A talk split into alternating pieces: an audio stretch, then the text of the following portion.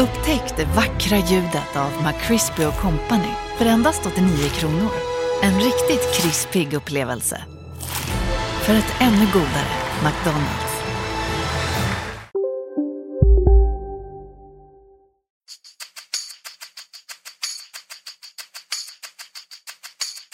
Det har varit mycket, mycket snack om det här inhoppet. Det är svårt att förbereda sig. Va? Så att, det är mycket känslor som spelar över. När jag kommer hem ska vi fixa allt det där.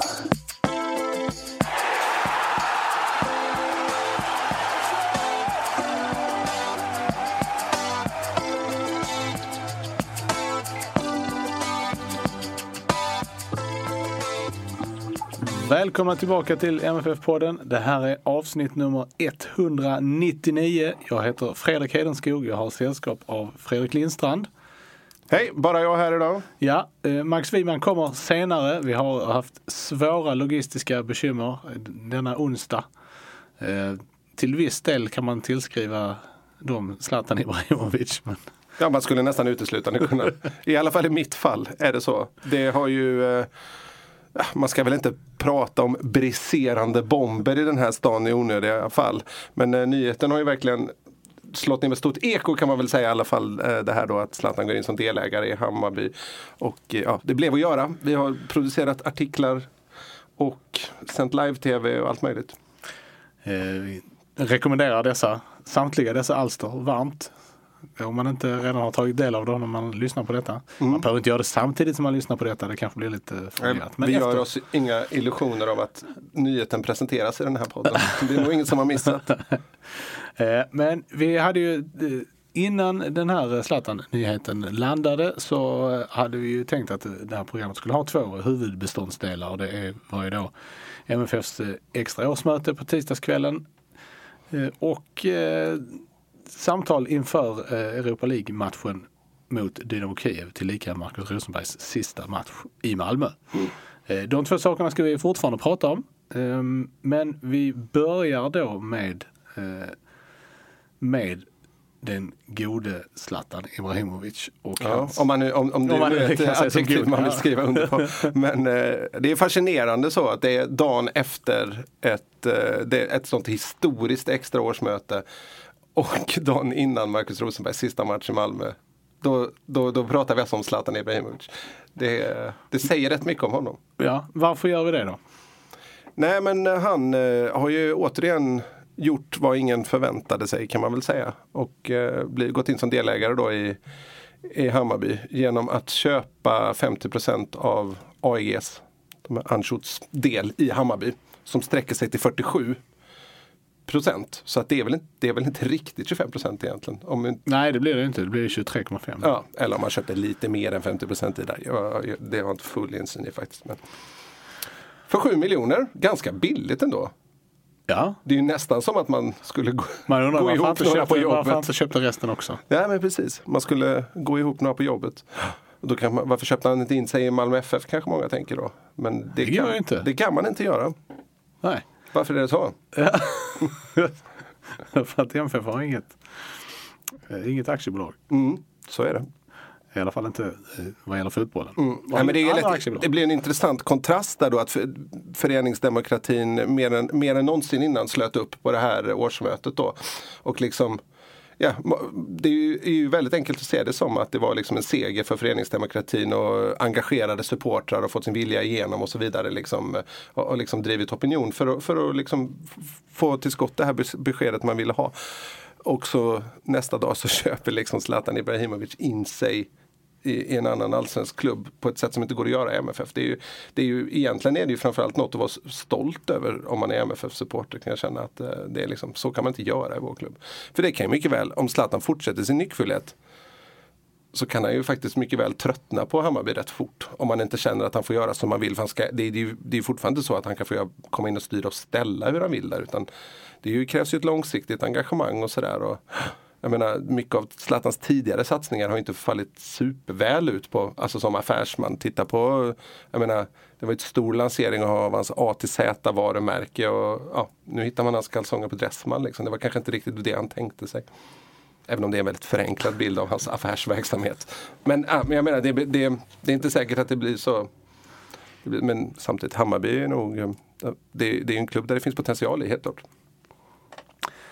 Eh, om man tittar på hur det har låtit här under förmiddagen och, och över lunchen så, så är det ju en ganska samstämmig eh, kommentarsbild från Malmö som helhet. Från toppolitiker till eh, enskilda personer till supporterorganisationer. Mm. Eh, och det är, den genomgående känslan är ju eh, en av svek och eh, upprördhet. Kan man, kan man förklara, eller kan du förklara var de känslorna kommer ifrån? Mm, jag kan försöka i alla fall. Det är nog lättare egentligen om man håller på MFF för, för, för att förstå det. Liksom. Ja, jag tänker just därför så kanske du som Ja, men- mer utomstående Ja, men kan... precis. Min, min tanke är hela tiden att jag satt och kollade på The Crown igår så där pratar man mycket om eh, säsong tre. Eh, om special relations som engelsmännen tyckte, eller special relationship som engelsmännen tyckte att de hade med USA då efter andra världskriget. Eh, de byggde mycket på det. det. Det har känts som att det ska ha funnits ett likadant mellan Malmö FF och eh, Zlatan Ibrahimovic. Att Oavsett vad Zlatan har tagit sig för efter att han flyttat utomlands. Och, och gudarna ska veta att det är mycket liksom. Eh, och det är saker som är fantastiska. Och sen så finns det saker som är, är mindre fantastiska och saker som är svåra att förstå. Och sen nu på slutet då kanske framför allt det här. Allt snack om att han är ett lejon och det är spelbolag hit och det är parfym dit och det är kalsonger åt det tredje håll. Och så vidare och så vidare. Men allt det där har ju MFF-supportrar liksom kunnat bortse från för att de vet att den äkta Zlatan hyser äkta känslor för Malmö FF. Det, det är liksom den här den trygga punkten på något sätt. Att han, att han alltid har en del kvar i rötterna i Malmö FF och staden Malmö. Och staden Malmö är ju, är ju fortfarande, det är ju vad det är. Den, den historiken påverkas inte så mycket av detta. Eh, eh, tycker jag. Men, eh, men med biten med Malmö FF, den slås ju faktiskt i spillror till väldigt stor del av det. För sportsliga avtryck har ju Zlatan inte gjort så mycket. Okej, han, och sen visst, han har ju bidragit till det här med stadion och så. Eh, men det finns ju samtidigt andra som har bidragit ännu mer. Marcus Rosenberg till exempel. Om, om man nu ska se det ekonomiska betydelsen för Malmö FF. Så att det är ju, där, där har han ju liksom, man, man kan aldrig säga att han har utraderats. Han har, ju- den har ju bara liksom omformerats, hans eh, legacy då kan man väl säga. Men jag tror att det är det som är, det, det där liksom att man trodde att det fanns någon slags ungdomskärlek, någon flamma som alltid skulle brinna vidare. Men så vis, visade det sig att, att det verkar aldrig betytt så mycket för Zlatan. E, eller så är han bara sån kallhamrad det är väl någonstans där också att han är en sån kallhamrad affärsman. Att han ser det, det är status i de kretsarna han umgås i. Att äga en idrottsklubb liksom. Och, Hur menar du då? Nej men det, det är liksom, man, man ska ha en aktieportfölj. Det ska liksom, eller eh, inte en aktieportfölj, det ska liksom en, en, en portfölj man bär med sig i livet av saker man har gjort. Man har investerat i olika, på olika sätt. Man har åstadkommit vissa saker, man känner vissa personer. Eh, och jag tror, jag tror liksom att att, att, titta vilka Zlatan har umgåtts med genom åren och vilka han har lärt känna. Men vi, vi tror ju någonstans att han fortfarande är den här killen som spelade fotboll i Malmö FF och gillade omklädningsrumstugget och, och så hela den här biten. Och att, den här, att, att, man, att, att en dröm för Marcus Rosenberg till exempel är att återvända till Malmö FF och, och liksom slå sig ner i en villa med familjen och, och ha det trevligt liksom någonstans i, i en gammal kontext. Om en i, liksom, med betydligt bättre ekonomi. Men, men liksom Zlatan har umgåtts med, med liksom Silvio Berlusconi, känner Roman Abramovic, han, eh, Moggi till exempel. Det är de personerna han har sett upp till. De är på en helt annan nivå. Det, det, vi kan inte föreställa oss liksom, det, det är den moraliska kompassen han har nu. Och det, det, liksom, det, det går inte att översätta till svenska mått. Han, nu han har ju också under sin karriär liksom vant sig vid att spela i, i klubbar med just med väldigt starka ägare. Eh, Berlusconi i Milan är ett exempel men det har ju också familjen Agnelli i Juventus och, Moratti som var i Inter på den tiden. Ja, och precis. Glazer i, United och, och inte minst eh, hela Mm.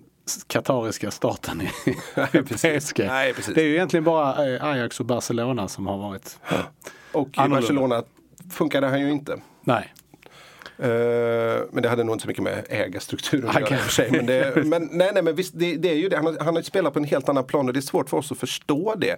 Men jag tror att man kan hämta mycket av det här att han tenderar liksom att, att tappa bort intresset för vad den, den enskilde lille MFF-supporten, så att säga, nu inom citationstecken lille då, eh, MFF-supporten känner. Det finns i alla storlekar. Precis, precis. Och eh, eller tappa bort förståelsen eller, eller helt kanske inte bara låta, han ser det Hammarby som en investering, då kan han inte låta känslomässiga aspekter komma i vägen för det. Jag tror att hade han kunnat investera i Malmö FF så hade han, så hade han gjort det. Nu gick inte det, då väljer han Hammarby och han tänker inte mer på det. Med det sagt så är det inte meningen att MFF-supportrar på något sätt ska visa någon slags respekt för det eller förståelse för det. Det är självklart att de ska reagera, det är självklart att de ska försöka få bort den här statyn. För det är ju ett hån mot dem. Och eh, jag, jag tycker det är fullt rimligt att man flyttar statyn nu. Sen så vet jag inte om det kommer ske, det, det känns ju tveksamt. Eh, för det skulle vara en sån oerhörd markering från Malmö stad tillbaka till Zlatan Ibrahimovic. Men, eh, för det, men vi får ju eh, någonstans är det viktigt att förstå att marken ägs av kommunen. Det, hade, det, hade den stått på MFFs mark då hade man ju kunnat, ja, då hade man kunnat motionera om det till årsmötet också tänker jag. Och, och liksom på något sätt rösta om att man ska ta bort den. Nu, nu blir det ju lite krångligare då. Men man har ju sett att det, att det har ju det, det har ju startat sådana petitions om att få bort den. Flytta Hammarbys ägare till från stadionområdet tror jag det stod. Ursäkta, jag Men det är lider sviterna av en förkylning. ja, men det är mycket så i, det här som är så fascinerande också. Den intervjun då med Sportbladet eh, som fick den här nyheten exklusivt då. Eh, det, det, är, det är fascinerande tycker jag att han, att han uttrycker sig som han gör i den. Att han, att han, att han tycker att man gör skillnad då på det, där- det där var jag när jag var fotbollsspelare, det var Malmö FF. Det här är någonting helt annat. Det har inget med varandra att göra. Men är det en del av förvirringen här att han, att han just att han fortfarande är fotbollsspelare? Ja, det Alltså kan har det vara. bidragit till Alltså i praktiken sk- skulle, nej, i praktiken, i teorin så skulle han ju faktiskt kunna skriva på för Malmö FF i vinter. Ja. Ja. Det hade, det hade varit en intressant en twist på den här historien faktiskt. Det hade man velat se. Alltså, så, som liksom, jag kan ju personligen tycka att det, här är, att det här är väldigt intressant. Det är ju, nu kallade jag honom nyligen i en krönika för fotbollens Mick Jagger men nu är det nästan som man börjar kalla honom för en, en fotbollens Johnny Bode. Som liksom blir accepterad i ett sammanhang och sen bara raserar allting direkt. Och, och sen går vidare till nästa ställe och, och bl- blir populär eller i alla fall liksom på något sätt fascinerar omgivningen. För att sen bara rasera allting igen. Sådana människor är ju eh, Alltså, de, de är ju älskvärda på sitt sätt och det är ju liksom verkligen de, de är ju underhållande, de piggar upp liksom. Och vi, vi lyfter ju ofta upp de här Bosse Larsson och Markus Rosenberg-figurerna då. De här trotjänarna som liksom aldrig begär någon uppskattning och på det viset får det genom sina prestationer på plan och så vidare. Men, men sen så finns det också de här helt annorlunda människorna som, är, som gör precis motsatt vad folk tycker. Och de behövs också. Men, men, men, så, men med det sagt, full förståelse för att man som MFF-supporter verkligen avskyr Zlatan Ibrahimovic nu. Det är rimligt. Ehm, alltså, det, det har varit en spännande arbetsdag. Så kan man sammanfatta det. Alltså. Jag såg inte det komma riktigt. Ehm, den här, det har ju bara gått eh, en dryg månad sedan eh, statyn avtäcktes. Mm. Eh, hur, för den, för den, de scenerna den dagen tänker man ju tillbaka lite grann på. Mm. Han måste ju rimligtvis ha vetat om allt detta. Ja, oh ja. Han, har ju, han har ju sagt det då, att han har följt Hammarby under, under guldjakten. Det är intressant att veta om han, om han höll på Hammarby guldjakten också. För att han har ju också pratat om att jag tror han sa det på, på presskonferensen också, att han hoppades att MFF skulle ta guldet. Jag kan minnas fel. Nej, det minns jag inte. Nej, det kanske han inte sa, men han har sagt, jag kanske blandar ihop det med någon annan gång. Han brukar ju slänga ut sig lite sådana grejer när, han får, ja, när frågan kommer. Liksom. Men eh, ja, han kanske höll på Hammarby nu då. Eh, för det är ju ändå liksom på något sätt så har det ju blivit eh, som det är nu så är det ju ändå statyn som är Mm. knäckfrågan här. Eller, eh, åtminstone symbolfrågan. Mm. Ehm, Ja, men den är ju, den är ju liksom väldigt, den är ju, han, han är ju avbildad som någon slags grekisk gud på den nästan. Det går ju nästan att dra paralleller till, eh, det här kommer inte många gilla heller, men det är paralleller till hur Poseidon står på Götaplatsen i Göteborg. Det är ju bara överkropp, det utsträckta Uh, nu har inte, det Poseidon har inte utsträckta armar för Nej. att hålla inom fisken. Och sånt där. Ja, precis, det, det är mycket mindre eh, maritimt tema. Vilket är synd. det hade man uppskattat. Men, eh, nej, men det finns ju något liksom, att hur man är avbildad och sådär. Hur han blickar mot stadion lite som att den är hans och sådär. Liksom. Det, det, och så, ja. Som eh, som eh, affärsanalytiker då Fredrik, vad så, Mm. ser du fortsättningen på Zlatans eh, imperium här? Ja, det, ska, jag är ju kanske framför allt intresserad av den sportsliga aspekten av det. Eh, en sak som är oerhört rolig är att Zlatan Ibrahimovic nu är involverad i allsvenskan. Det kan liksom ur ett bredare perspektiv aldrig vara en dålig sak. Eh, sen så ska det bli väldigt spännande att se vad han kan föra med sig för typ av vinnarkultur in i Hammarby. Eh, som är i desperat behov av just en sådan. Ja, all vinnarkultur är väl välkommen. Ja precis. Ja. det är ju ingen som tackar nej till lite vinnarkultur. Eh, eller det skulle vara Hammarby då. men, nej, nej, vet jag Ja, har, nej men det har de ju gjort förr. Ja, precis. Nej, men eh, det, det är intressant. Och sen också, han pratar ju också det här om eh, liksom att bygga upp någon slags talangfabrik-aktigt så. Och så framförallt det här långsiktiga jobbet, hur intresserad han är av det. Och, och, och liksom få fram de här eh, spännande spelarna från Stockholmsområdet. Eh, hur kan du, kan du se några, om man inte tittar på de faktiska omständigheterna, det vill säga aktieköp och, och så, kan du se några, några parallell, parallellfall till det här? Där det har varit liksom så upprörda känslor. Det kanske det mer har handlat om, om aktiva, alltså spelare i en ny klubb kanske. Ja men precis. Ja, vad har vi haft? Jag har ju haft några här nere men det går liksom inte att jämföra det. Vad skulle det vara när Babi Stefanidis gick till, eh, från HIF till MFF eller när Robin Olsen skrev på för FC Köpenhamn var det ju upprört. Eh, men det här, jag tycker att den här nyheten, den här typen av nyhet saknar nästan motstycke i allsvenskans historia.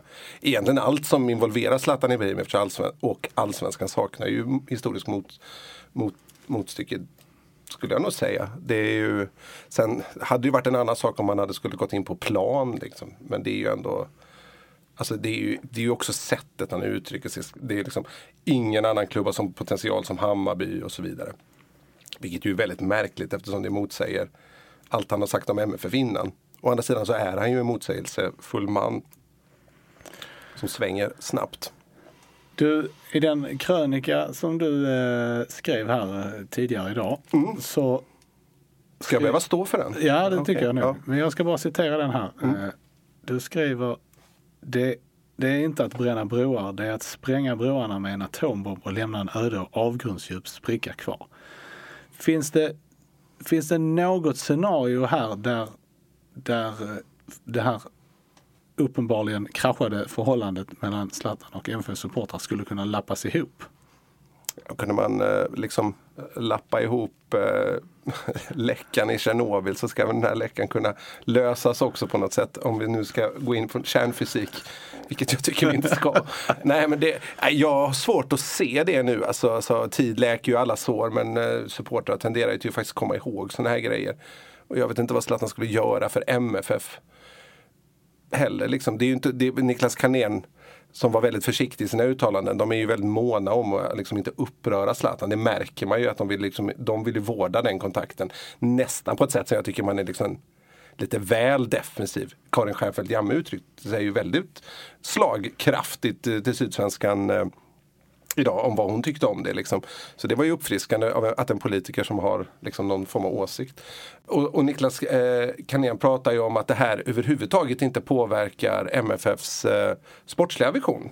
Och, och det är ju liksom det känns ju som ett klart och tydligt eh, statement från honom och det är ganska vettigt också att ja, Zlatan kan gå in med sina pengar där. Men vi ska fortfarande vara bäst i Norden, det påverkar inte oss. Det är också den som är saken, Zlatan. Vad skulle han göra för MFF då? Att liksom ge dem mer pengar. Det, han kan nog inte ge dem så mycket pengar så att det skulle göra någon skillnad ändå. Och han kan liksom inte gå in i klubben på det viset. Det skulle också bli kaos om Zlatan tog en position i någon slags MFF-ledning. Så jag är inte säker på att det skulle liksom göra den nyttan. Han skulle kunna göra nytta på plan förstås. Men det, det kanske inte är klubbens mm, liksom, vilja att ersätta Marcus Rosenberg med en ännu äldre spelare. Det, hur hur liksom symbol, starkt symbolvärdet än är. Om man ser det på sikt. Så ja, jag, vet, jag vet faktiskt inte riktigt vad han ska göra för att, för att reparera det. det. Det får se om han ens försöker. Det kan också vara att, att han blir så pass irriterad på MFF supportrar för de här reaktionerna. Jag menar ett toalettlock, eh, en toalettring är liksom hängd på statyn nu under eftermiddagen. Det är inte säkert att det landar jättebra hemma i det Ibrahimovic hemmet. Eh, hur tror, en, en eh, liksom eh, ganska ofta eh, återkommande åsikt är ju att, att Zlatan verkar ha överskattat eh, sin, sin ställning så att säga i Malmö. Eller, eller känslorna för honom, att de liksom var Jag tror att han har överskattat sin, sin, sin ställning i MFF snarare. I Malmö tror jag inte, det, det tror jag inte går att överskatta ställ, ställningen. Jag tror att för, att- för MFF-supportrar betyder det här mycket men jag tror ändå fortfarande för folk som bara gillar Zlatan så att säga och, är- och är glada att han kommer från Malmö. De, de tror jag inte, det, det, jag ska inte säga att det inte krusar, krusar, krusar ytan. Men, eh, men så mycket mer än så betyder det nog inte faktiskt. De tycker fortfarande att han är häftig liksom. Firar han av ett leende i direktsändning nästa gång han är med så är det liksom, då, är, då glömmer man det här. Det är jag ganska säker på. För att han, han, han, är, han kommer ju undan med väldigt mycket. Han har ju liksom, alltså den här Janne Andersson-biten. Det har ju också, det, sånt rinner ju av. Det blir ju liksom, vissa blir väldigt upprörda. Medan de flesta liksom, och så har det ändå vänts någonstans till att ja men det var, okej det var fel i sak men det var ändå ett uttryck för något större problem. Alltså, det, går ändå vidare för honom. Han är ju skicklig på det viset. Liksom. Eh, du sa innan att det här är ju, hur man än vrider på och vänder på det så är det ju positivt för allsvenskan som, som helhet. Hur, eh, vad ser du för vad ser du för liksom utveckling i det fallet? Just i Hammarbys Alltså, fall. Ja, och alltså Zlatans ändå, det faktum att han ändå är involverad någonstans i allsvenskan. Ja, för, Jag tänker på liksom högre intressemässigt eller alltså kommer det här påverka bilden av allsvenskan på något sätt? ja, alltså, för Hammarbys del är det ju framförallt stor, De får ju liksom exponering utomlands och sådär. Och att, att liksom bara kunna locka stjärnor till Zlatans klubb. Det är, det är nog en ganska stor faktor. Och MFF är ju längst fram organisationsmässigt. Men det är frågan är om Hammarby inte är längst fram rent spelidémässigt. I alla fall om vi ser till den här gångna säsongen. Där MFF behöver ju stöpa om sig på ett helt annat sätt nu i vinter. Eh, väldigt ålderstigen trupp och, och så vidare. Behöver mycket nytt och de har ju också pratat om hela den här biten med att man ska börja, liksom vill börja sälja spelare på ett annat sätt och man vill bredda ungdomsverksamheten vilket ju var en del i den här fusionstanken med LB07. Kanske egentligen den främsta delen i fusionstanken. Vilket, men det har man inte presenterat det som. Eh, så att där, Hammarby ligger ju långt fram alltså och jag tror att man får en ytterligare skjuts av den här Zlatan Ibrahimovic-effekten. Liksom. Men då handlar det framförallt om exponering, locka nya sponsorer. Många vill ju synas vid Zlatan och jag menar hela den här synas vid Zlatan-grejen är väl anledningen till att det blev en staty i första hand. För att politiker i Malmö var rätt sugna på den här presskonferensen med Zlatan och få träffa honom och man ville vara med i gruppen som fattade beslutet som gjorde Zlatan Ibrahimovic glad och stolt. Alltså det, jag tror inte man ska underskatta be- betydelsen i det. Han är ju en stjärna som ingen annan egentligen. Sen så det är liksom det rent konkret vad det betyder på plan för, för allsvenskan. Om liksom fler kommer att titta på Hammarbys bortamatch nästa år för att det är Zlatans klubb. Marginellt fler. Hade han spelat så hade det kanske liksom varit 5000 extra per match. Och då, då tycker jag faktiskt inte jag tar i ens.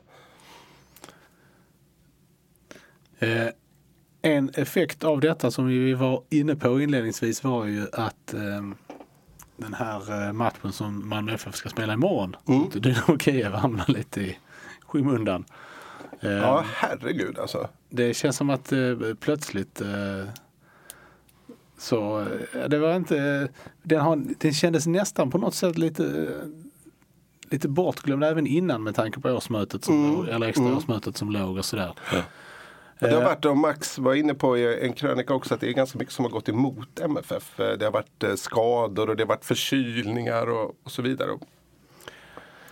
Vi vet ju i, dagsläget här ganska lite om hur det ser ut. MFF tränade i, i måndags. De hade ingen träning på tisdagen och i, de tränar ju senare idag, onsdag kväll, men det är en träning som i princip är stängd. Den är öppen en kvart. Eh, Då kan de hinna inleda uppvärmningen så det är svårt att dra så mycket slutsatser. Ja, den är ju med framförallt öppen för att fotograferna ska få ta sina bilder egentligen.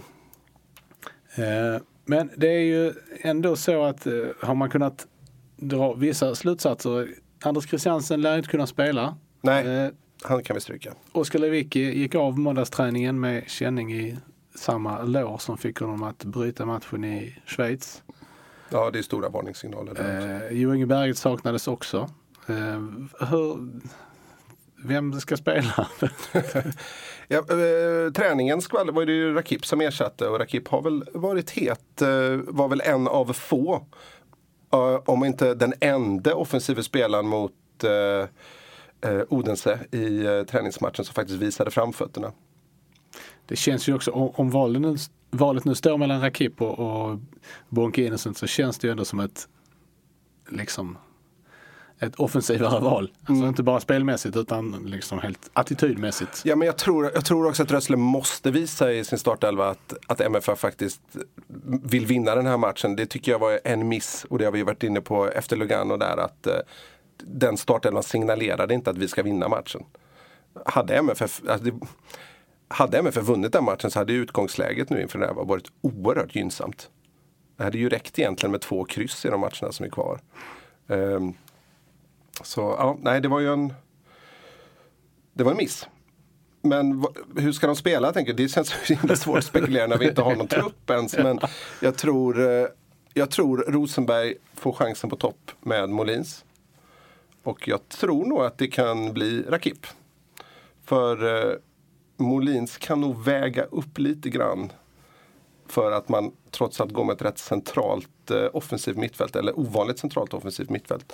För att en liten trygg uppspelspunkt i honom som gör att det inte bara blir ett ryckigt spel. Det blir väldigt så springigt mot eh, Lugano. Det var liksom MFF lyckades inte nypa fast bollen uppe i plan överhuvudtaget egentligen. Och där har ju eh, Molins tycker jag visat sig bra framförallt under hösten.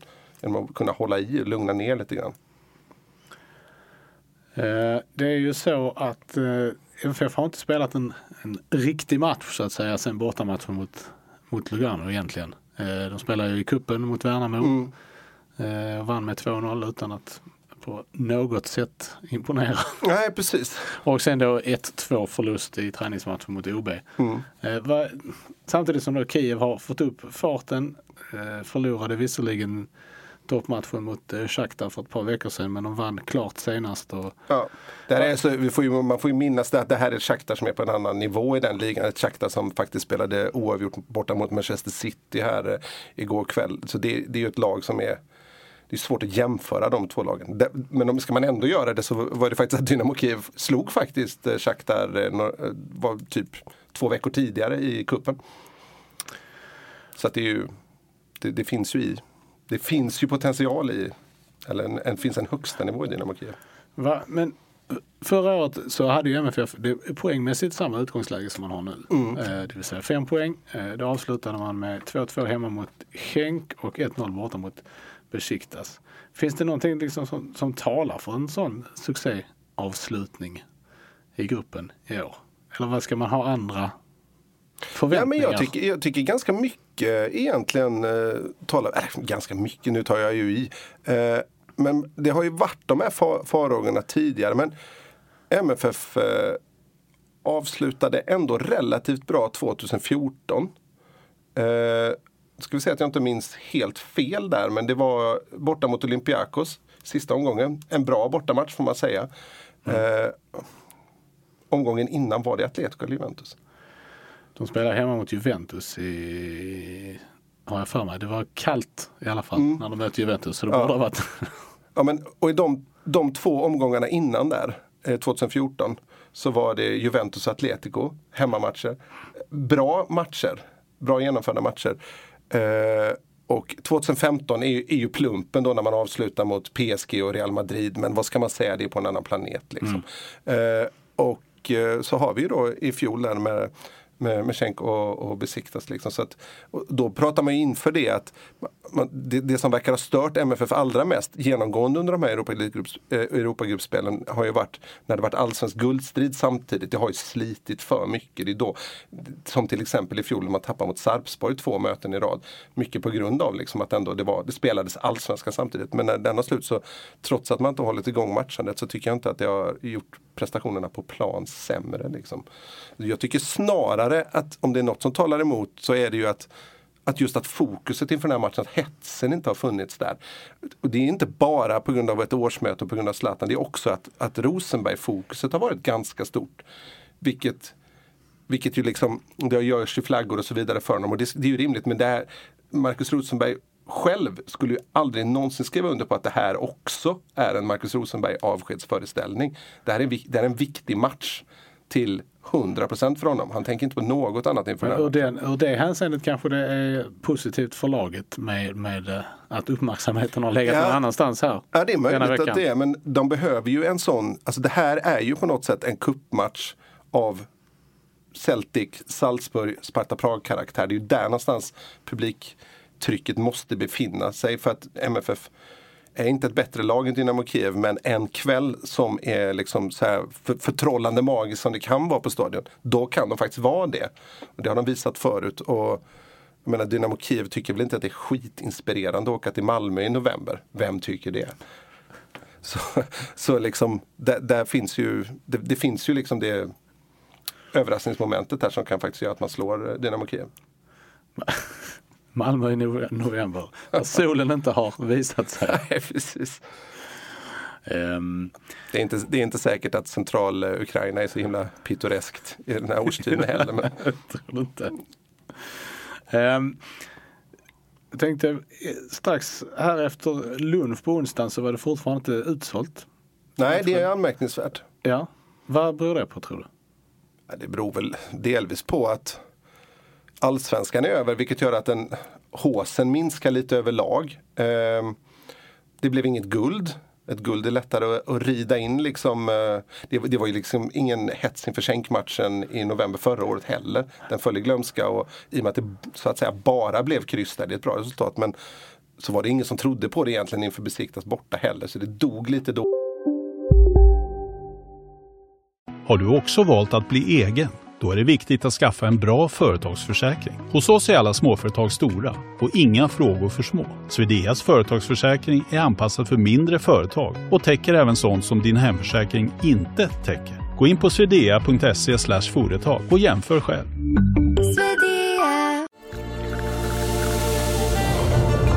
Välkommen till Maccafé på utvalda McDonalds restauranger med Baristakaffe till rimligt pris. Vad sägs om en latte eller cappuccino för bara 35 kronor? Alltid gjorda av våra utbildade baristor.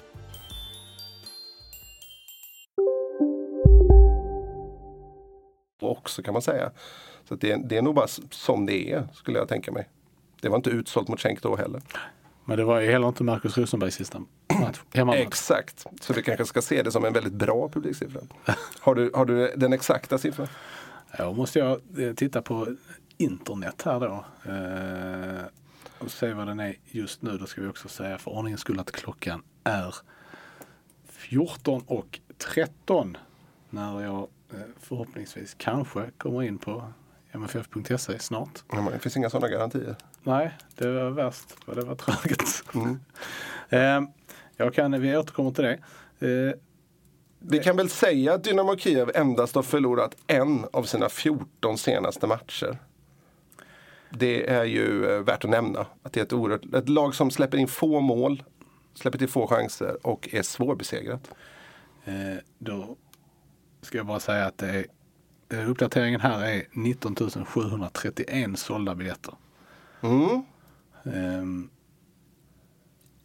så, men när jag tänkte apropå Kievs svit då, eh, så den började ju i, ja svit, de har en förlust. Började ju med började med MFF, Mm. precis. Ehm, och i den matchen var det ju, även om MFF var ganska, eller var ju nära att få med sig ett oavgjort resultat så var det ju inte så att det var eh, liksom en, en jämn tillställning på planen. Nej. Ehm, och det är ju som, som vi diskuterade lite här innan, man har inte sett så himla mycket av Kiev eftersom de har spelat samtidigt som MFF hela Mm. tiden. Så att, eh, och du var dessutom i Köpenhamn när, de, när lagen möttes. Så det- Ja, precis, precis. Ehm, jag har men, sett men, både FCK och Lugano betydligt mer än, Ja. än Dynamo Kiev. men om det, kan man... Alltså var, var ligger inför de här två sista omgångarna, vad, vad skulle du säga att, att hur liksom ser styrkeförhållandena ut i gruppen? Jag skulle bli oerhört förvånad om gruppen inte slutar så som den står nu. De kommer ju givetvis ha, ha mer poäng, vissa lag. Men, eh, men eh, Dynamo Kiev och, och framförallt Dynamo Kiev egentligen, men även FC Köpenhamn känns numret större bara. Det är liksom, jag tror att det framförallt talar för att de har större erfarenhet av den här typen av situationer och att deras ligor är igång. Det är väl framförallt det som talar för det. Men som sagt, det var det för Schenk och det var det för Besiktas också. Så att, men de känns kanske mer, mer harmoniska eller vad man ska säga. FCK har väl inte imponerat i ligan. De fick, åkte på tokdäng mot Midtjylland med 4-1 i omgången innan där. Men nu vände de eh, mot Hobro hemma. Bottenlag för vissa, men det är liksom ah, de kan ändå fortsätta att mala på och hitta formen och så vidare. Det känns som att det, MFF har ingen, inget utrymme för att jobba på saker på det viset. Liksom. Han känns tryggare på både FCK och eh, Dynamo Kiev än vad ja, alla, framförallt Besiktas gjorde. Men det ska ju avgöras på parken och eh, jag menar, det, det är ju ett derby. Det, det, det kan ju också vara att FCK redan är klart då. Vad motiverar dem till att liksom eller vad motiverar det? Det finns ju klart motivation i att slå bara MFF liksom men det, det, det blir ju också när det är klart och det är ett skadedrabbat FCK. De kanske vilar lite spelare och inte riktigt kommer upp i den motivationsnivå som de, de normalt ska. Vad, ehm, vad vill du då se från MFFs del här i, imorgon? Är det liksom det, är det, det vanliga? Det är en, bra, en, liksom en, en bra fart från start och eh, få med sig publiken och allt det, allt det som vi brukar Ja, säga. det låter ju klyschigt men det är nog faktiskt så. Men äh, jag skulle vilja se att man Det är lätt att säga så här, jag vill se ett bättre offensivt spel. Vem vill inte det? Men det, någonstans måste laget hitta mer rätt offensivt. Och de, jag tror att vägen går dit genom att löpa mer, våga lite mer utan att liksom sälja sig på något sätt. För Tittar man på Europa Leagues gruppspel så är det bara fem lag som har gjort färre mål än vad Malmö FF gjort. Och de är alla gruppjumbon. Så av, av grupptreor eh, så är det faktiskt bara, så har Malmö FF gjort allra färst mål. Där fick jag in det ordet. Härligt. Härligt. Eh, MFF är i botten på avslut, de är i botten på avslut på mål och de är i botten på passningsprocent. De drar på sig mycket varningar. Så det är ju ett bild av ett lag som har, har varit steget efter eh, på ett faktiskt annat sätt än vad man har varit var förra året. Så Defensiven sitter ju där. Där är man faktiskt på den övre halvan statistiskt sett eh, när det kommer till insläppta mål. Men eh, de, de måste visa ett, ett an, en annan avslutsvilja, en annan, en annan hunger för att komma till, liksom, komma till de heta situationerna. Och vi, vi har sett Arno Traustason lite grann tycker jag, våga skjuta. Det, det har inte nödvändigtvis varit farligt alla gånger, om ens någon nästan. Men det finns någonting att bygga på där tycker jag. Att det finns en, en hunger av att, att hitta rätt. Och det är också nu han är en av de spelarna som faktiskt måste, måste höja sig också, en landslagsspelare. Samma sak som Bachirou, inte så övertygande som han var i fjol. Han behöver komma med en besiktas borta-insats nu mot Dyna- Dynamo Kiev, där han liksom dominerar mittfältet. Ibland tycker jag det känns också som att han inte riktigt får plats när han spelar ihop med, med Innocent. Alltså det blir, De kliver lite på varandra. Mm. Ja, men det kan hända att han får ju då, om Lewicki inte kan spela, en spindel i nätet eh, slash städgumma-roll som han kanske kan lyfta av. Nu är det upp till honom liksom. Det, det, det, är inte, det, är inte möjligt att, det är möjligt att det inte bara är negativt, den skadesituationen. Vi får se hur det blir med den saken. Det är avspark eh, klockan 21.00 mm. på eh, stadion på torsdag kväll. Mm. Det blir eh, långkalsonger eller underställ på. Ja, kan precis. Man kan man tänka sig. Sa du i, i genusmedvetenhetens tecken. Ja. ja. jag tänkte också att man behöver även ha något på överkroppen. Ja, precis. precis. Ja, det är en tröja är nog värt att ta på faktiskt. Glöm inte det, ni som ska dit. Eh, mm. Nu eh, ska vi byta ämne för nu känner jag att Max Wiman är på ingång. Mm, dags för andra halvlek. Ja. Välkommen in i studion Max. Tack, tack. Kul att du kunde komma. In i värmen, härligt. eh, då är det ju som så att jag tänker att vi ska prata om det som eh, hände på tisdagskvällen, det vill säga Malmö FFs extra årsmöte. Där eh, medlemmarna eh, röstade ja för damlag 2020 men nej till sammanslagning med LB07 med en högst förkrossande, förkrossande majoritet kan vi säga.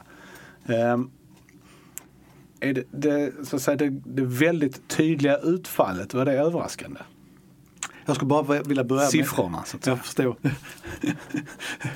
Eh, jag skulle egentligen bara vilja börja med att knyta ihop det med det ni har pratat om innan. Att det, det, det, liksom, det känns ju nästan som en tanke att det här sammanfaller med, med Zlatan-historien.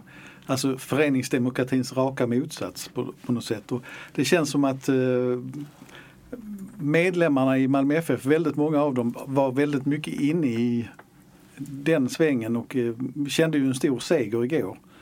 Så att eh, jag tror många hade adrenalinet uppumpat redan innan Zlatan-historien kom faktiskt. Ehm, och det är intressant, man ska inte skratta åt det egentligen för att det är allvarligare än så. Men eh, ja, kanske att siffrorna blev så överväldigande som de blev var väl kanske lite eh, överraskande.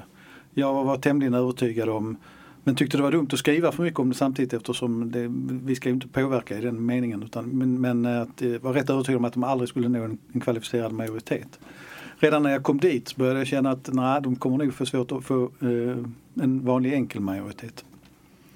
Sen var det ganska tydligt att eh, eh, om man ska på något sätt generalisera, när man kom dit så satt det ett par hundra människor i lokalen redan. Det kändes som det var de trogna, lite äldre med, medlemmarna som, som alltid är på årsmöten och som skulle stötta styrelsen. Men alla på vägen in i princip hade ett papper i handen, det vill säga en fullmakt.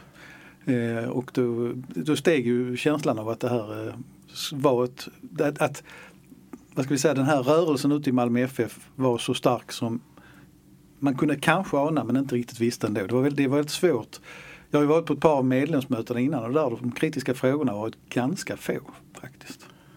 Hur var det, vi har ju läst, det har rapporterats, rapporterats väldigt mycket om utfallet av det här extra årsmötet. Hur var själva mötet? Eh, man kan ju säga så här om man ska ta det i, det, det, blev ju väldigt kraftigt försenat för att det tog ju lång tid att få in människor. De hade ändå gjort ett stort jobb med logistiken för att få alla registrerade. Sen den första delen gick ju väldigt snabbt, det vill säga det, det ställdes inte en fråga om huruvida Malmö skulle ha ett damlag eller inte. Då kan man ju ha i minnet att så sent som 2016 röstade samma årsmöte nej till den frågan så det kan svänga fort. Eh, men nu var det ju, i, och jag vet att mötesordförande ville ha det med acklamation, men det var någon som ropade votering. Och jag tror det var någon som, som trodde att det var den andra, andra frågan.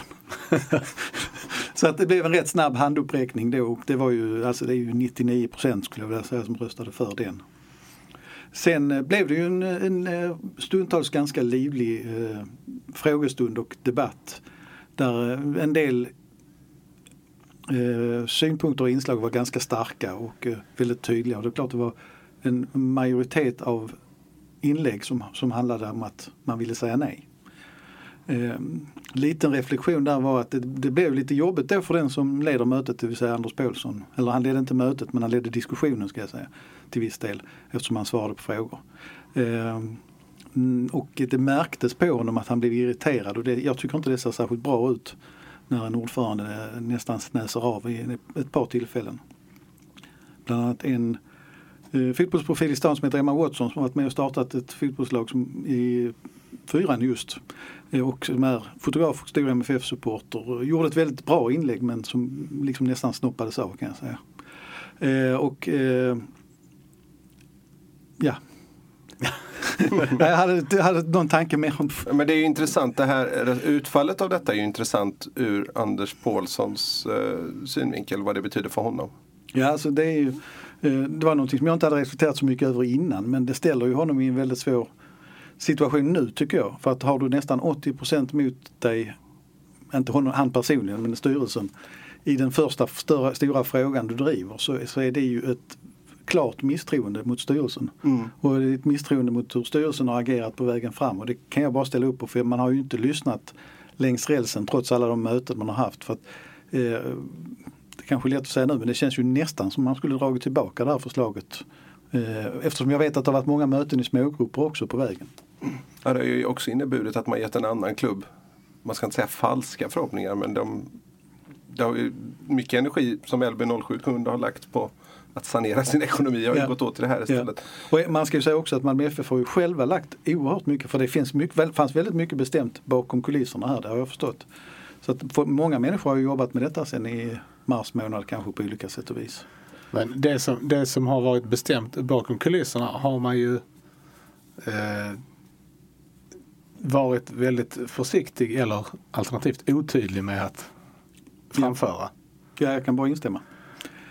Jag, jag, tror att det är ett av misstagen. Även det, det är lätt, kanske lätt att säga det från sidan men att man inte har varit mycket mer konkret eh, och faktiskt satt ansikten på det man har pratat om. Alltså man, skulle man, om man verkligen trodde på det här då kanske man skulle då skulle man haft en sportchef för damsidan stående redan på presskonferensen och sagt att det, här är hon som ska leda detta om, om det här blir verklighet och det här tänker vi.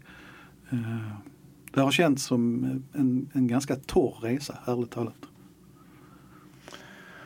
Eh, va, nu blir det ju ett, eh, ett damlag 2020, eller det är i alla fall intentionen. Ja, och det är, bara det är för sent att anmäla till serien. Ja, anmälan är inget problem, men bara det att uh, Niklas Carlén säger först intention och sen Anders Paulsson drar på det uh, gör mig lite orolig det som jag tycker att det här kommer alldeles för sent i vilket fall som helst. Och skulle, skulle Malmö FF misslyckas med att dra igång det här till 2020 då tycker jag det är ett gigantiskt misslyckande. För. En annan sak som jag funderade på var ju vad, vad man tänker sig för, för organisation kring detta. Eh, Anders Paulsson sa efter mötet att man räknar med eh, att gå med 2 till 3 miljoner i förlust år ett på damverksamheten. Eh, och för det kostar det inte att ha ett damlag i division 4. Nej, jag räknar väl in flickverksamhet då också att de måste anställa ett par. Frågan är var alla dessa lag ska... Ja, det är det jag menar med organisationsfrågan. Ja. Och frågan är ju också var dessa lag ska träna, och man ska lösa det rent praktiskt. Det finns ju inte mycket utrymme på stadionområdet. Eh, men det, ja, nej, det, finns väldigt, det finns oerhört många frågetecken eh, kring det hela.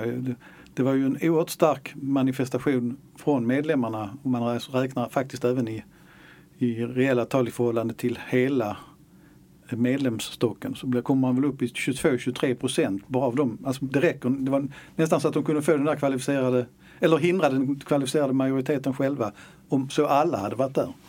Eh, och det är naturligtvis många fler som hade röstat nej. Så att, eh, det är en tankeställare för MFF. Man har, jag har stor respekt för att man vill vandra hela vägen.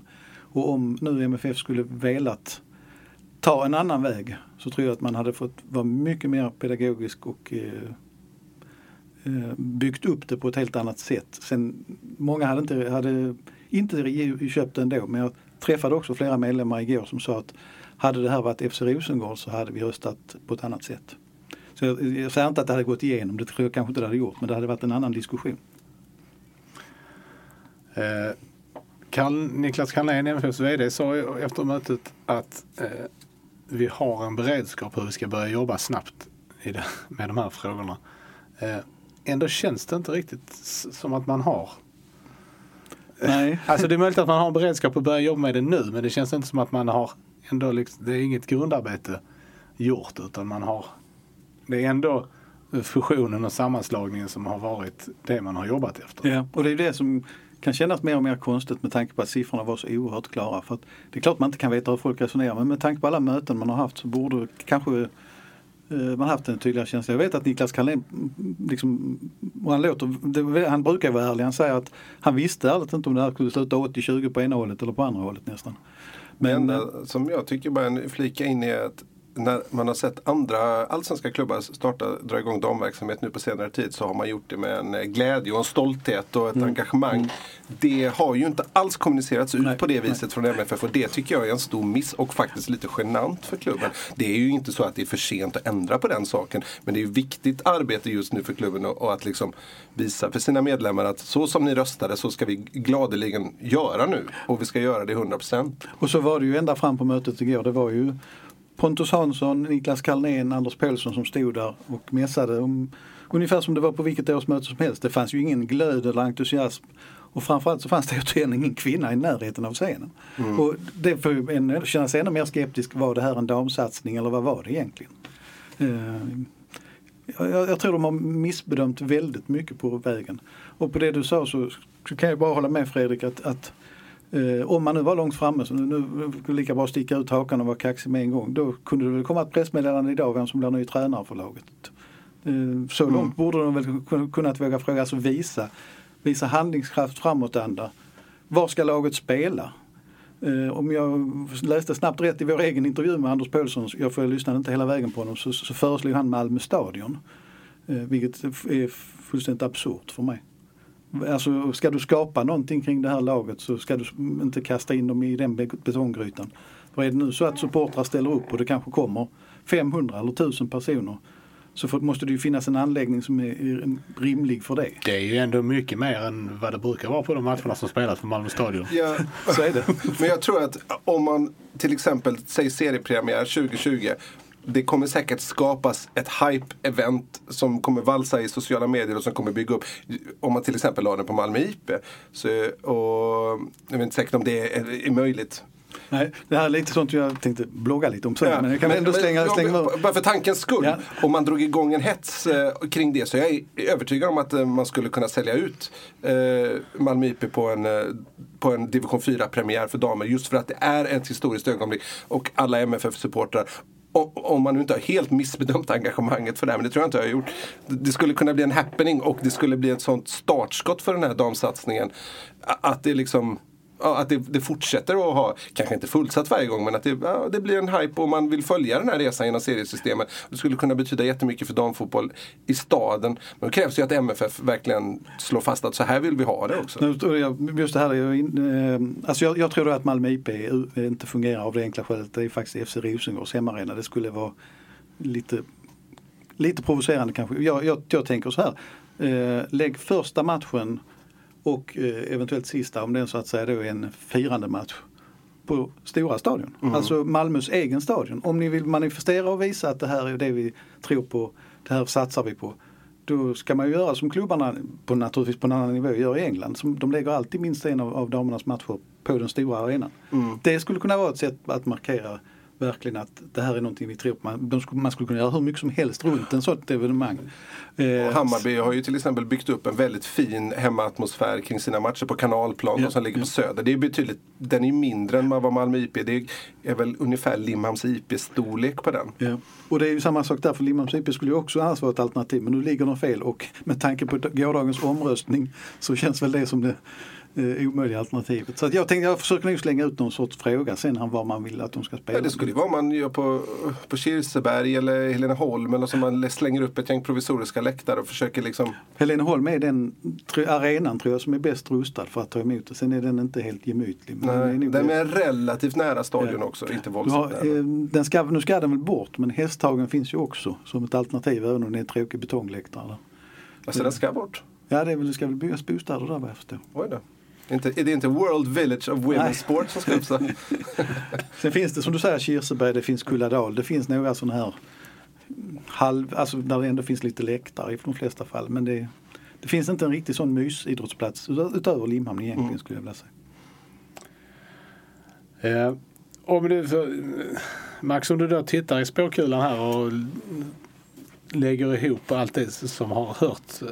Kan, kan jag få bara ställa en, sagts. Ja, back, back, en backspegelfråga först? Ja. När har det hänt på ett årsmöte att eh, med så rungande kraft medlemmarna gått emot MFFs styrelse? Nej, det, det, Det, alltså med sån kraft tror jag aldrig det har funnits. Den gången det hade blivit en motsvarande situation är väl förmodligen då när Bengt Maltsen valde att inte ställa upp för omval som ordförande. Mm. För då fanns det en väldig kraft i att, i att man inte skulle vilja ha kvar honom. Mm.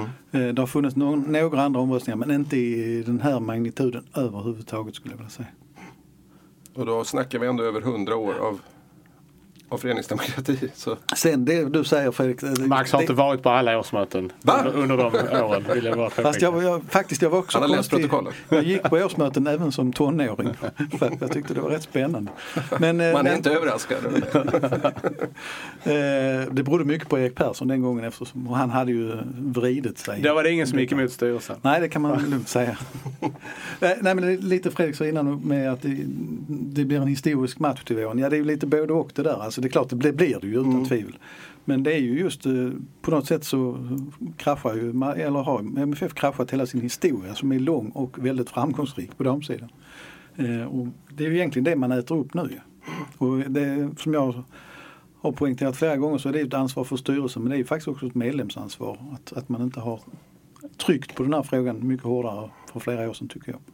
Man får ju också ett lite, ska man säga, ett, ett fotbollskollegialt bekymmer här med den här sena starten. För det är ju, varje år så är det ju så i de lägre damserierna att det är lag som, som drar sig ur på grund av spelarbrist. Och, och, och det är ju liksom dokumenterat hur svårt det är att få eh, alla de, alla de eh, flickor som spelar fotboll att fortsätta upp i, i seniorverksamheten. Då kommer det ett nytt lag här som ska liksom Nej, men det är baksidan av hela den här. Jag, som sagt jag har stor respekt för och jag förstår resonemanget och jag tycker det är snyggt i grunden att man, medlemmarna vill att man ska börja nerifrån. Men det kommer att få konsekvenser för andra. För att Malmö måste värva ihop ett lag nu till fyran och när de väl då kanske vinner fyran så måste man nästan värva ihop ett nytt lag till trean. Och så kommer det hålla på tills man 2025 möjligtvis i bästa fall då är i allsvenskan. Så att det, det, det, det kommer att bli en balansgång och det kommer ju egentligen att sätta ännu större krav på organisationen hur man ska sätta ihop det här eh, laget också. Men med tanke på läget som det är nu och det som har sagts. Kommer, kommer MFF att ha ett lag när division 4 startar till våren? Ja, jag hoppas det innerligt och det, det vore ju ett gigantiskt misslyckande om man inte har det även om tiden är kort. För det är som du säger, man har ju ändå haft möjlighet att, att på något sätt förbereda sig. Eh, det ska bli väldigt intressant att se om man bygger det och det handlar ju också om att man ska försöka få igång ett par flicklag lite högre upp vilket innebär att de spelarna måste nästan också kanske plockas någonstans ifrån. För man har insett att det är svårt att börja från fotbollsskola kanske. Eh, det, det har ju visat sig. Men det är väl väldigt tydligt att MFF måste visa en helt annan entusiasm och att det måste in en ny röst som, som gör det här jobbet. Sen finns det ju också en intressant aspekt av det här att man på något sätt på egen hand nu får bygga upp ungdomsverksamheten också. Bredda den ordentligt då som man ju vill. Det tror jag egentligen inte behöver vara sämre på sikt. Det kommer ju ta lite längre tid men att få bygga upp och stöpa sin egen ungdomsverksamhet eh, är, kan vara betydligt mindre smärtfritt än att ta över den. Med, det finns en annan kultur och du ska liksom göra om den och göra den till din egen och sådär. Det, är inte, det är inte säkert att det går så lätt. Eh, Nej, och du har ju det stora bekymret är ju planer. Var, var, alltså det finns ju inga planer lediga i Malmö. Så att, att starta något helt eget nytt eh, kräver ju dels att få in barn och ungdomar någonstans ifrån. Eh, men också framförallt att ha plats någonstans. mm. Eh, jag Ja, tänkte, vi kan nog få se någon slags träningsanläggningssatsning Jag tänkte, jag skulle säga det, någonstans. det börjar väl luta ut att det, det, det kan man ju fundera på vad, vad- vad det kommer att innebära att om Malmö bygger en träningsanläggning långt ut, utanför stan. Mm. Det blir samtidigt problem med ungdomar då så det kan man ju inte heller. Men, Nej, precis. men då, man skulle ju frigöra utrymme vid stadion på det sättet. Ja, det kan ju hända att ungdomarna får vara inne, på sta- inne vid stadion Ja. och A-laget flyttar längre ifrån. Jag menar, att distansera sig verkar ju vara lite deras grej nu för tiden. Så att det, förlåt. Jag tänkte innan vi slutar också att vi skulle prata om en sak som har hänt eh, lite grann i an, den andra änden av föreningsdemokratispektrat. Eh, det vill säga Östersunds FK. Mer på Zlatan-området alltså. Ja, lite så. Ehm, för det var ju Jag har så. hört rykten nu om att Marcus Rosenberg ska köpa in sig i Östersunds eh, FK. Det kommer presenteras här på, via, via Instagram imorgon. Eh, Svenska fotbollsförbundets licensnämnd har ju beslutat att inte bevilja Östersund elitlicens för 2020.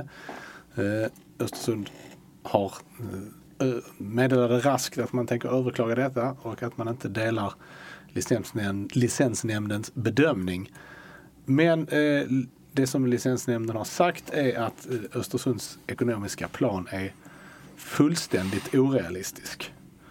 Ehm, och eh, ja, var, var kommer detta att sluta? Ska vi göra en hel podd om detta? också? Nej, det behöver vi inte göra. Nej, men ska man börja i den änden tycker jag så, så var har alla pengar tagit vägen undrar jag. Det är, det är 100 miljoner på Europa League och det är väldigt mycket övergångspengar som bara har försvunnit ut i det blå. Mm.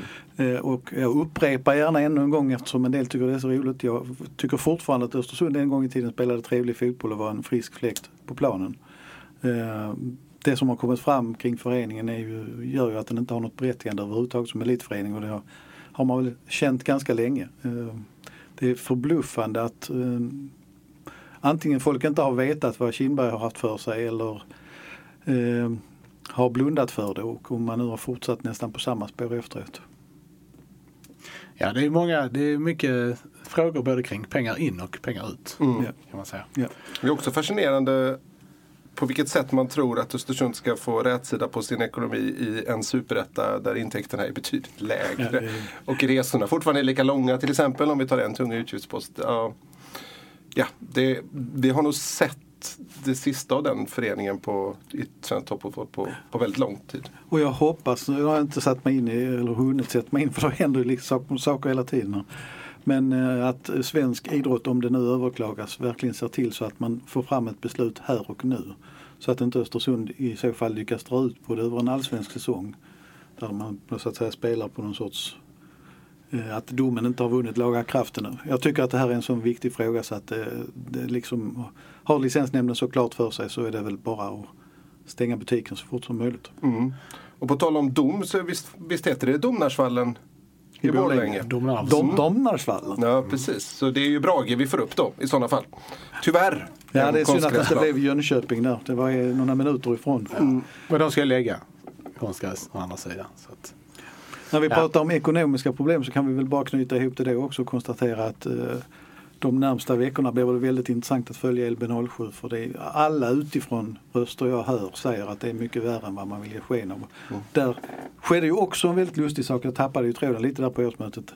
Eh, att eh, på de tidigare medlemsmötena har Anders Paulsson varit väldigt tydlig med att eh, LB07s ekonomi är mycket dålig.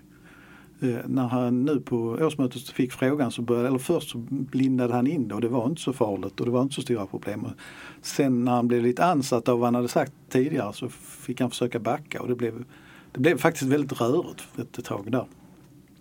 Men det var en eloge ändå till att man lyckades genomföra den här omröstningen på ett hyfsat snabbt sätt. För det var, vi pratar 970 personer som skulle rösta enligt riksdagsvalsprincip. i princip. Och det, det gick ändå relativt smidigt eh, med stort tålamod bland folk. en kort återgång till Öresunds, äh, Östersund. Öresund spelar inte heller i Allsvenskan. Um, det var, Svenska fotbollförbundet fick ju eh, utstå ganska mycket kritik efter domen mot Daniel Kindberg.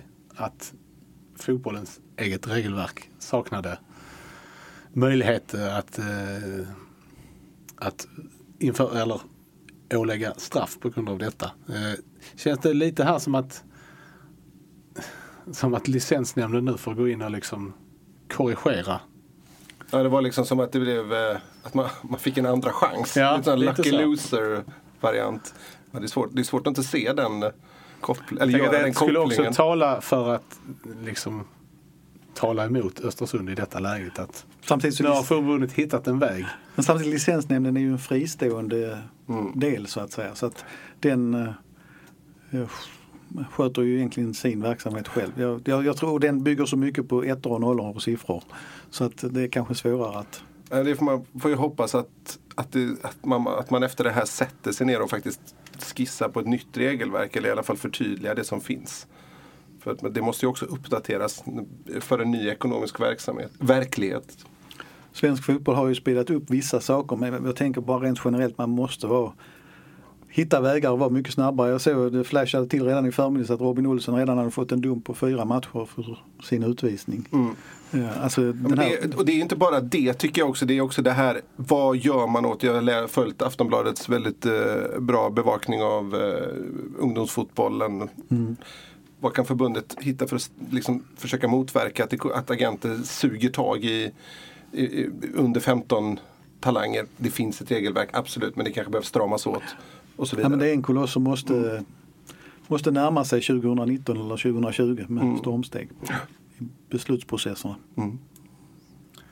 Så är det. Eh, vi har pratat lite fotboll idag, men mest, mest sånt som eh, har eh, varit fotbollsrelaterat kan man säga. Nästa avsnitt räknar jag med att det blir eh, mer idrott och mindre eh, annat. Eh, det här har varit avsnitt nummer 199 av MFF-podden där vi anser att konstgräs ska förbjudas i svensk elitfotboll. Jag heter Fredrik Hedenskog. Jag har ett sällskap av Fredrik Lindstrand, hela programmet och till slut även Max Wiman. Och ansvarig utgivare är Pia Renqvist. Tack för oss. Hej hej! Hej! Hej,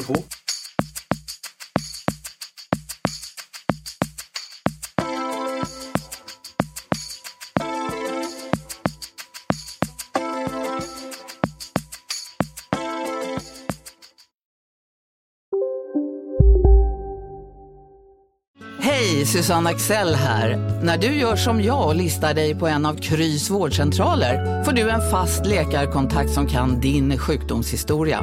Du får träffa erfarna specialister, tillgång till lättakuten och så kan du chatta med vårdpersonalen. Så gör ditt viktigaste val idag, listar dig hos Kry.